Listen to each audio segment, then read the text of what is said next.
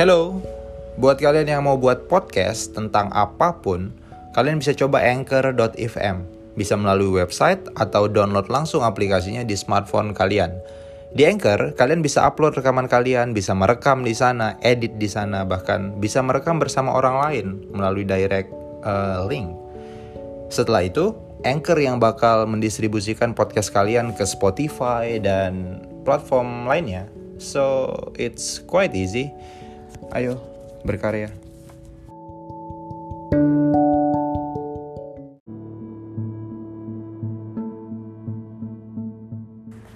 Hai, kembali lagi bersama saya dan Syama Hendra, your book reader.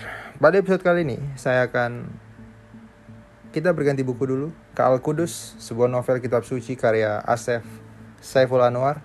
Episode pertamanya bisa kalian cek di daftar episode dan ini adalah episode kedua untuk buku ini, bab kedua dengan judul Orang-orang dalam Gua.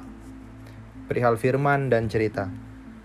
Demi sungai yang bermuara samudra, batu-batu besar dan batang-batang kayu tidak akan mengubah aliran.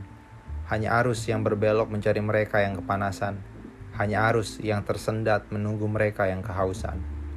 Maka, apabila ada dua sungai yang menuju kepada samudera yang sama, apakah salah bila memilih salah satunya? Wahai rela, sampaikanlah kepada kaummu. Sesungguhnya sungai yang diciptakan Tuhan itu dibagi-bagi oleh para rasulnya. Air di dalamnya adalah firman, sementara cerita adalah arusnya.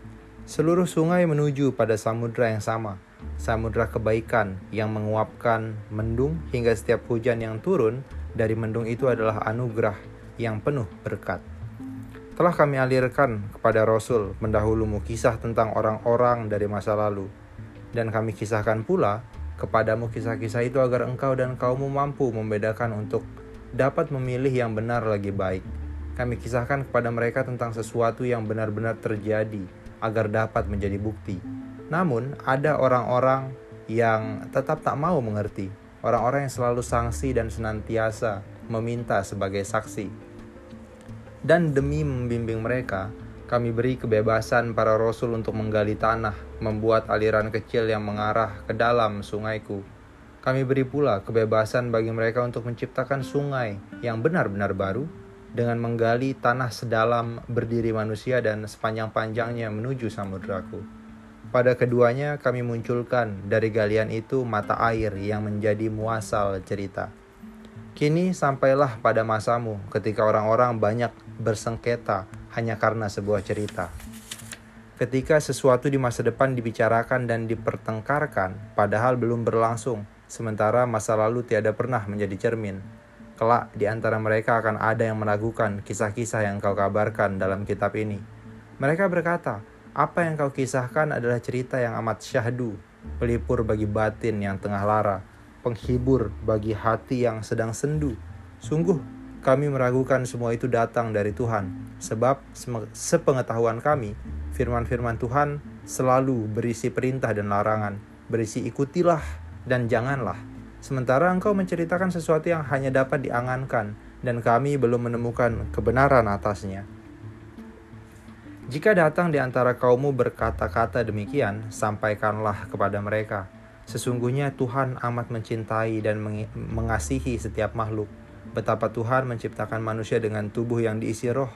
Betapa Tuhan telah menganugerahi manusia dengan akal dan perasaan. Dan cerita akan lebih menyentuh bagian-bagian itu daripada sekadar perintah dan larangan. Amat mudah bagi Tuhan membuat sepuluh perintah dalam sebuah papan logam namun amat mudah pula bagi manusia untuk meleburnya dan menjadikannya tiada berarti. Amat pemurah pula Tuhan dengan hanya membuat lima yang terlarang. Namun amat mudah bagi manusia untuk melakukannya berulang-ulang. Amat terang pula delapan jalan kebenaran yang pernah diuraikan Rasul pendahulumu. Namun amat terang pula manusia berbelok dari jalan itu. Maka Tuhan memilih cerita sebagai jalan bagi firman di sisi-sisinya Tuhan sertakan perintah dan larangan sebagai petunjuk agar jalanmu menjadi lurus dan lempang. Mereka yang menempuh jalan itu pasti akan sampai pada kebaikan yang sempurna. Dan sungguh dia yang tahu jalan di langit tidak akan tersesat di bumi. Mereka akan sampai pada kebahagiaan yang berharga. Sebaik-baik kebahagiaan adalah yang dibagi, termasuk dengan bercerita. Kisah lima pemburu Bukankah telah sampai kepada kaummu cerita tentang seseorang yang dimasukkan ke dalam gua bersama singa-singa yang kami jinakkan hingga sang raja menjadi gentar sebab yang terhukum selamat dan mengancam tahtanya? Bukankah telah sampai pula kepada kaummu kisah tentang tujuh lelaki yang kami tidurkan bersama seekor anjing selama ratusan musim di dalam gua? Hingga sang raja telah berganti keturunannya dan di antara kaummu bukankah telah juga mendengar kisah tentang dua saudara yang bertarung di dalam gua yang salah satunya yang menang akan membantu seorang raja mengalahkan raja lainnya. Kini ceritakanlah kepada kaummu tentang lima pemburu yang berteduh di dalam gua agar mereka sadar sesungguhnya kisah ini bukanlah sekedar imingan atau rayuan untuk beriman. Sesungguhnya kami pernah menguji iman lima pemburu pada suatu senja kami lebatkan hujan yang turun di dalam hutan ketika mereka sampai di dekat sebuah gua.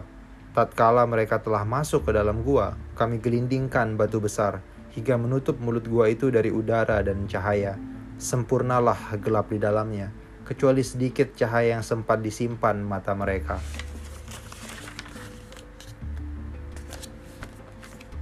Empat yang lelaki gemetar, sementara satu perempuan berujar dengan tenang. Ingatkah kalian pada petua orang-orang tua dahulu ketika kita mendapatkan kesulitan harus berbuat apa? Tiada sambutan dari murid para lelaki itu, kecuali kepala yang digelengkan tapi tiada terlihat sebab gelap.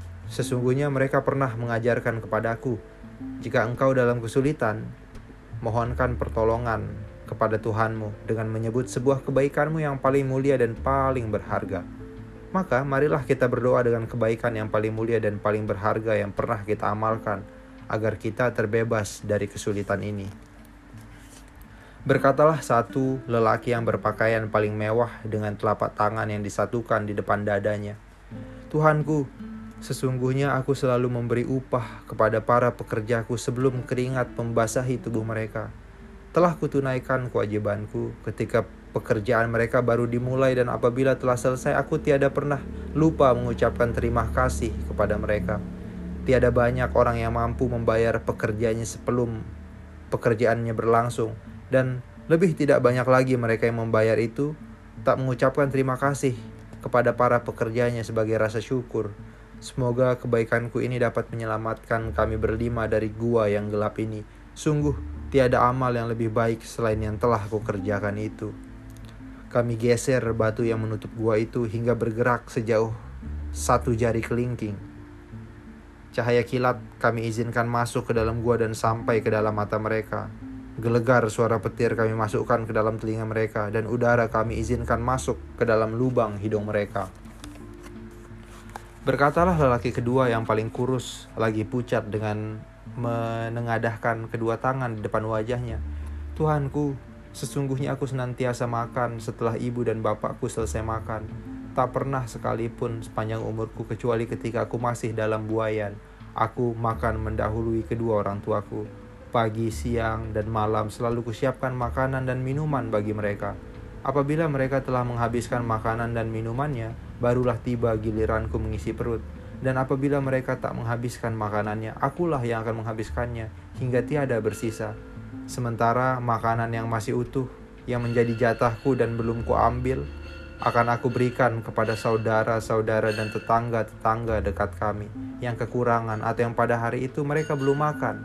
Sungguh, bagiku tiada amal yang lebih baik selain bakti kepada ibu dan bapak, serta berbagai uh, dan berbagi dengan yang membutuhkan. Sementara kita tidak dalam keadaan berlimpah, dan aku hendak terus berbagi setelah engkau selamatkan kami dari gua gelap ini. Kami geser batu itu hingga bergerak sejauh tiga jari. Mata mereka telah dapat melihat ke arah luar, memandang hijau daunan dan rantingan yang basah oleh hujan yang mulai kami redakan. Berkatalah lelaki ketiga yang paling kumuh dengan menangkupkan kedua telapak tangan dan memejamkan matanya. Tuhanku, Sesungguhnya amal baikku yang paling nyata dan berharga adalah ketika tidak jadi melampiaskan hawa nafsu birahiku. Sesuatu malam aku pergi ke rumah pelacuran, telah telanjang seluruh tubuhku, telah telanjang pula seluruh tubuh perempuan yang kupilih. Kami sudah berhadap-hadapan dan telah siap saling berpelukan. Namun saat itu juga aku mengingatmu dan mengucapkan namamu. Aku langsung menutup mataku lalu kukenakan pakaianku kembali dan pulang ke rumah. Sejak itu apabila aku menerima rezeki yang jumlahnya lebih banyak daripada harga sewa atau waktu paling pendek bersama seorang penjajah cinta, aku akan menyedekahkannya agar berkurang uangku dan tiada tergoda lagi untuk mendatangi rumah pelacuran. Dan sungguh, hingga kini aku tak pernah lagi berdandan sebab tak ingin menggoda perempuan. Hingga suatu malam datanglah seorang perempuan yang memintaku menikahinya sebab ia telah sadar kesalahannya sejak aku mengucapkan namamu di hadapannya dan tak jadi menyentuh tubuhnya. Dialah perempuan di rumah pelacuran maka aku menikahinya agar ia tak menjajakkan tubuhnya lagi dan demi keturunan kami yang lebih baik. Sungguh melawan hawa nafsu lebih keras dan lebih sulit daripada memecahkan batu dan inilah amal yang mulia lagi berharga yang semoga dapat menyelamatkan kami berlima. Kami geser batu itu hingga bergerak sejauh satu jengkal telapak tangan.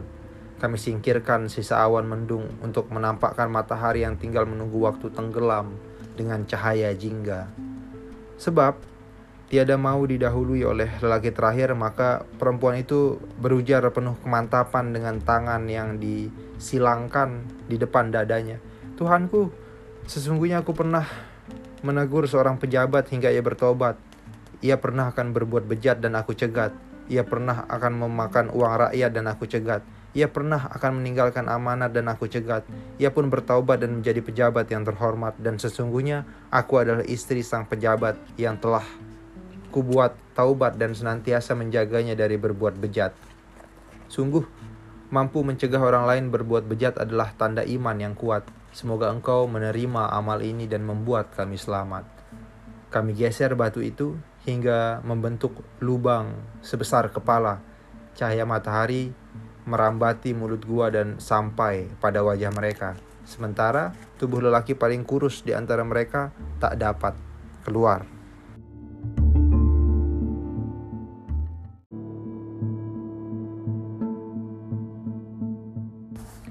Kami beri petunjuk suami perempuan itu yang telah lama mencari di tengah hutan. Ia datang bersama prajuritnya. Derap kuda yang sampai ke dalam telinga memberikan harapan bagi mereka yang di dalam gua.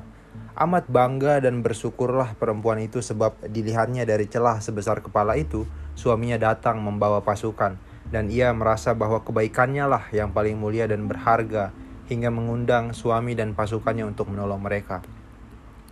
Diperintahkanlah para prajurit untuk mendorong batu besar yang menutup mulut gua. Namun para prajurit yang bertubuh besar-besar itu tiada sanggup menggeser batu itu setipis rambut pun, sebab kami menahannya agar mereka berpikir. Mereka letakkan baju-baju besi dan kembali mendorong, namun kami tetap menjaga batu itu tetap bergeming agar mereka kembali berpikir. Maka diikatlah batu besar itu dengan tali kekang yang ujungnya ditarik sembilan kuda. Dilecutlah kuda itu agar menariknya sekuat tenaga. Namun kami teguhkan batu itu untuk tetap bergeming dan tak selangkah pun kuda-kuda yang meringkik itu beranjak dari tempatnya berpijak. Sungguh kami menahannya demi sebuah pelajaran. Maka mata mereka yang di dalam gua tertuju pada satu lelaki terakhir. Hanya engkau, hanya tinggal engkau yang dapat menolong kami. Segera sebutkan kebaikanmu yang paling berharga dan mulia. Pastilah batu ini akan bergeser sedikit dan tubuh kita mampu melewatinya untuk kembali pulang dan berkumpul bersama sanak keluarga. Berkatalah lelaki terakhir itu, Sungguh amat malu aku mengungkapkan kebaikanku. Tutuplah telinga kalian dan aku akan memohon kepada Tuhan untuk memberi kita jalan keluar. Telinga mereka pun ditutup rapat, sementara mata mereka mengikuti langkah kaki lelaki terakhir yang mendekat ke arah cahaya di mulut gua. Ditekuklah lutut terakhir itu menghadap mulut gua dan membelakangi mereka yang menutup telinganya. Matanya memejam dan mulutnya yang ditutup Tangkupan kedua telapak tangannya berucap dengan lirih seperti bisikan. Tuhanku, sungguh aku telah lupa kebaikan-kebaikanku, apalagi yang paling berharga dan paling mulia di antaranya. Sungguh aku tidak tahu harus menyebutkan apa selain aku memohon keselamatan bagi kami berlima. Dan atas ucapan yang tulus itu, kami remukkan batu itu menjadi butir-butir yang amat kecil, luruh dan menggelinding pada kaki-kaki pasukan di luar gua. Bertanyalah lelaki pertama kepada lelaki terakhir, apakah kebaikan yang pernah engkau perbuat hingga batu besar itu dapat remuk dan berserakan? Berkatalah lelaki kedua kepada lelaki terakhir, apabila aku tahu kebaikanmu sungguh berharga, tentulah kami tak akan menutup telinga untuk dapat mendengarnya, agar kami dapat meneladaninya. Berkatalah lelaki ketiga kepada lelaki terakhir, jika saja kami tahu kebaikanmu demikian mujarab, kami akan memintamu berdoa terlebih dahulu. Bertanyalah perempuan itu kepada lelaki terakhir, sungguh kami ingin meneladani kebaikanmu jika engkau mau mengatakan apakah kebaikan yang hebat itu. Laki terakhir itu berkata, sesungguhnya aku tak mengatakan apa-apa tentang kebaikan itu.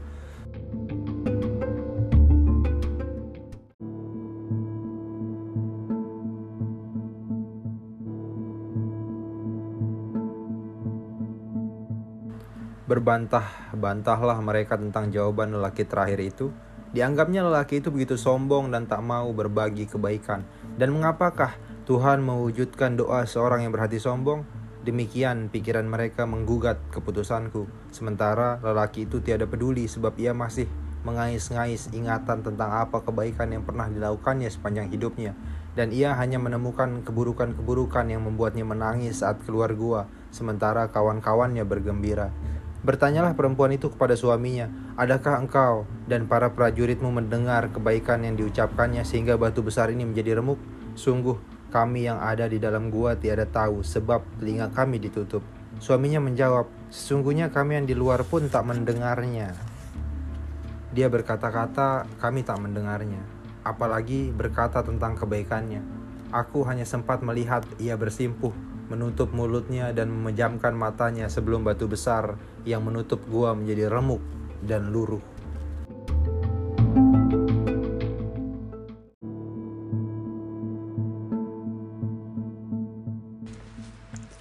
Kaum yang hidup dalam gua Demi gelap yang menyelimuti malam Sungguh sebagian dari manusia itu sering menggunakan akalnya sebagai selimut Bersembunyi mereka di dalamnya ketika gelap hingga dengan akal itu mereka mencari-cari alasan demi kenyamanan. Ceritakanlah kepada kaummu kisah kedua ini tentang seorang anak gadis yang dibunuh kaumnya sebab berani keluar dari tempat tinggalnya. Beritakanlah bahwa dahulu ada suatu kaum yang berumah dalam gua dari lahir hingga mati. Mereka bergerak hanya dari dinding ke dinding dengan api yang sesekali menyalakan bayangan. Dan dunia luar Gua hanya berisi bayang-bayangan hantu dan raksasa yang disampaikan matahari. Sampai lahirlah bayi perempuan yang tangisnya paling kencang dari bayi-bayi sebelumnya. Matanya selalu menyala ketika melihat cahaya dari mulut gua. Maka ketika ia mulai bisa merangkak, mendekatlah ia ke mulut gua. Namun ayahnya segera menggendongnya ke dalam sebelum ia sampai di mulut gua. Ketika telah pandai berjalan, mendekatlah kembali ia ke mulut gua namun ibunya segera menuntunnya ke dalam sebelum ia sampai di mulut gua. Diperingatkanlah oleh ibu dan bapaknya ketika ia mulai pandai mengingat. Diceritakanlah tentang betapa jahat dan kejamnya hantu-hantu dan raksasa-raksasa di luar gua. Diajarkanlah mantra-mantra pengusir hantu dan raksasa jahat. Tapi dengan merapal mantra-mantra itu ia mampu berjalan mendekati mulut gua dan berhasil menuju dunia luar. Dilihatnya matahari yang menyilaukan matanya, dilihatnya langit biru berawan, dilihatnya kawanan burung yang terbang, dilihatnya pohon-pohon dengan rantingan yang berayun, dilihatnya dedaunan yang hijau dan menguning, dilihatnya bunga aneka warna, dilihatnya buah-buahan aneka rupa yang hijau dan ranum, dilihatnya sungai bening yang mengalir tenang di antara batu-batu besar, dan ia bertanya dalam dada sendiri, siapakah yang menciptakan itu semua?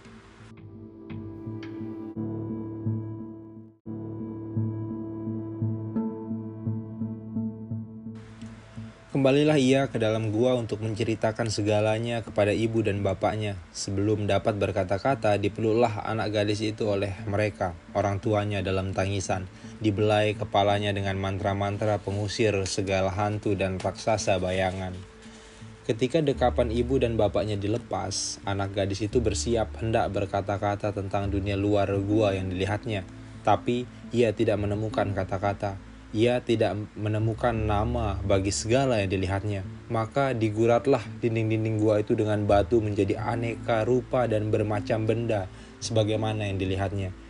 Dikutukilah anak gadis itu oleh kaumnya tiap satu guratan selesai dibuat sebab apa yang diguratnya menyerupai hantu dan raksasa dalam kepala kaumnya. Murkalah kaum itu hingga gadis itu dilempari batu sampai meninggal sebab dianggapnya ia telah dipengaruhi hantu yang jahat dan guratan itu menjadi peringatan bahwa hantu dan raksasa di luar gua semakin banyak dan beragam serta bertambah jahat. Sejarah dan kiasan Apabila telah engkau sampaikan kepada mereka kisah-kisah yang kami wahyukan kepadamu erelah, niscaya mereka yang menggunakan akal dan hatinya akan mampu mengerti maknanya dan mempercayai serta meyakini kebenarannya. Dan bagi mereka yang tidak percaya terbagi dalam tiga golongan. Golongan pertama akan mencari kebenarannya dengan mendatangi gua-gua, hingga apabila menemukan kebenaran dalam bukti-bukti yang ditemukan mereka akan beriman padaku dan mengakuimu relah sebagai rasul. Golongan kedua akan langsung mengingkari tanpa pernah mau mencari bukti sebab mereka takut apa yang diingkari justru ditemukan dalam pencariannya hingga gugur keingkarannya. Dan golongan ketiga adalah mereka yang akan mencari bukti untuk memperkuat ketidakpercayaan mereka. Mereka adalah pencari yang tidak ingin menemukan apa yang dicari dan apabila mereka menemukan bukti yang paling nyata sekalipun, mereka akan menolaknya dengan beragam alasan berdasarkan akal mereka. Kepada tiga golongan itu, engkau harus lebih mendekat dan sering berdekatan. Katakanlah kepada mereka, sesungguhnya cerita-cerita yang dituturkan dari para rasul yang terdahulu tidaklah semuanya telah terjadi hingga selalu ada bukti. Beberapa di antaranya adalah perlambangan yang tidak membutuhkan bukti, dan tidak pula semua bukti dapat ditangkap oleh indera manusia yang lemah. Bukankah ada pula cerita yang belum terjadi yang pernah disampaikan kepada nenek moyangmu? Mengapa belum terjadi? Sebab cerita itu baru bergulir ketika seluruh manusia telah mati. Seperti halnya kiamat yang baru akan terjadi ketika telah datang waktunya. Adakah kalian tidak percaya akan surga dan neraka dengan mengatakan aku, erelah belum pernah ke sana? Aku menuturkan tentang surga dan neraka berdasarkan kata-kata malaikat yang berkisah kepadaku. Menjadi pilihan bagi kalian untuk meyakininya atau mengingkarinya.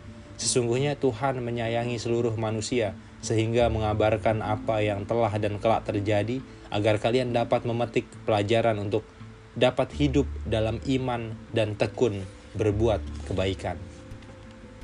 Sekian untuk episode kali ini.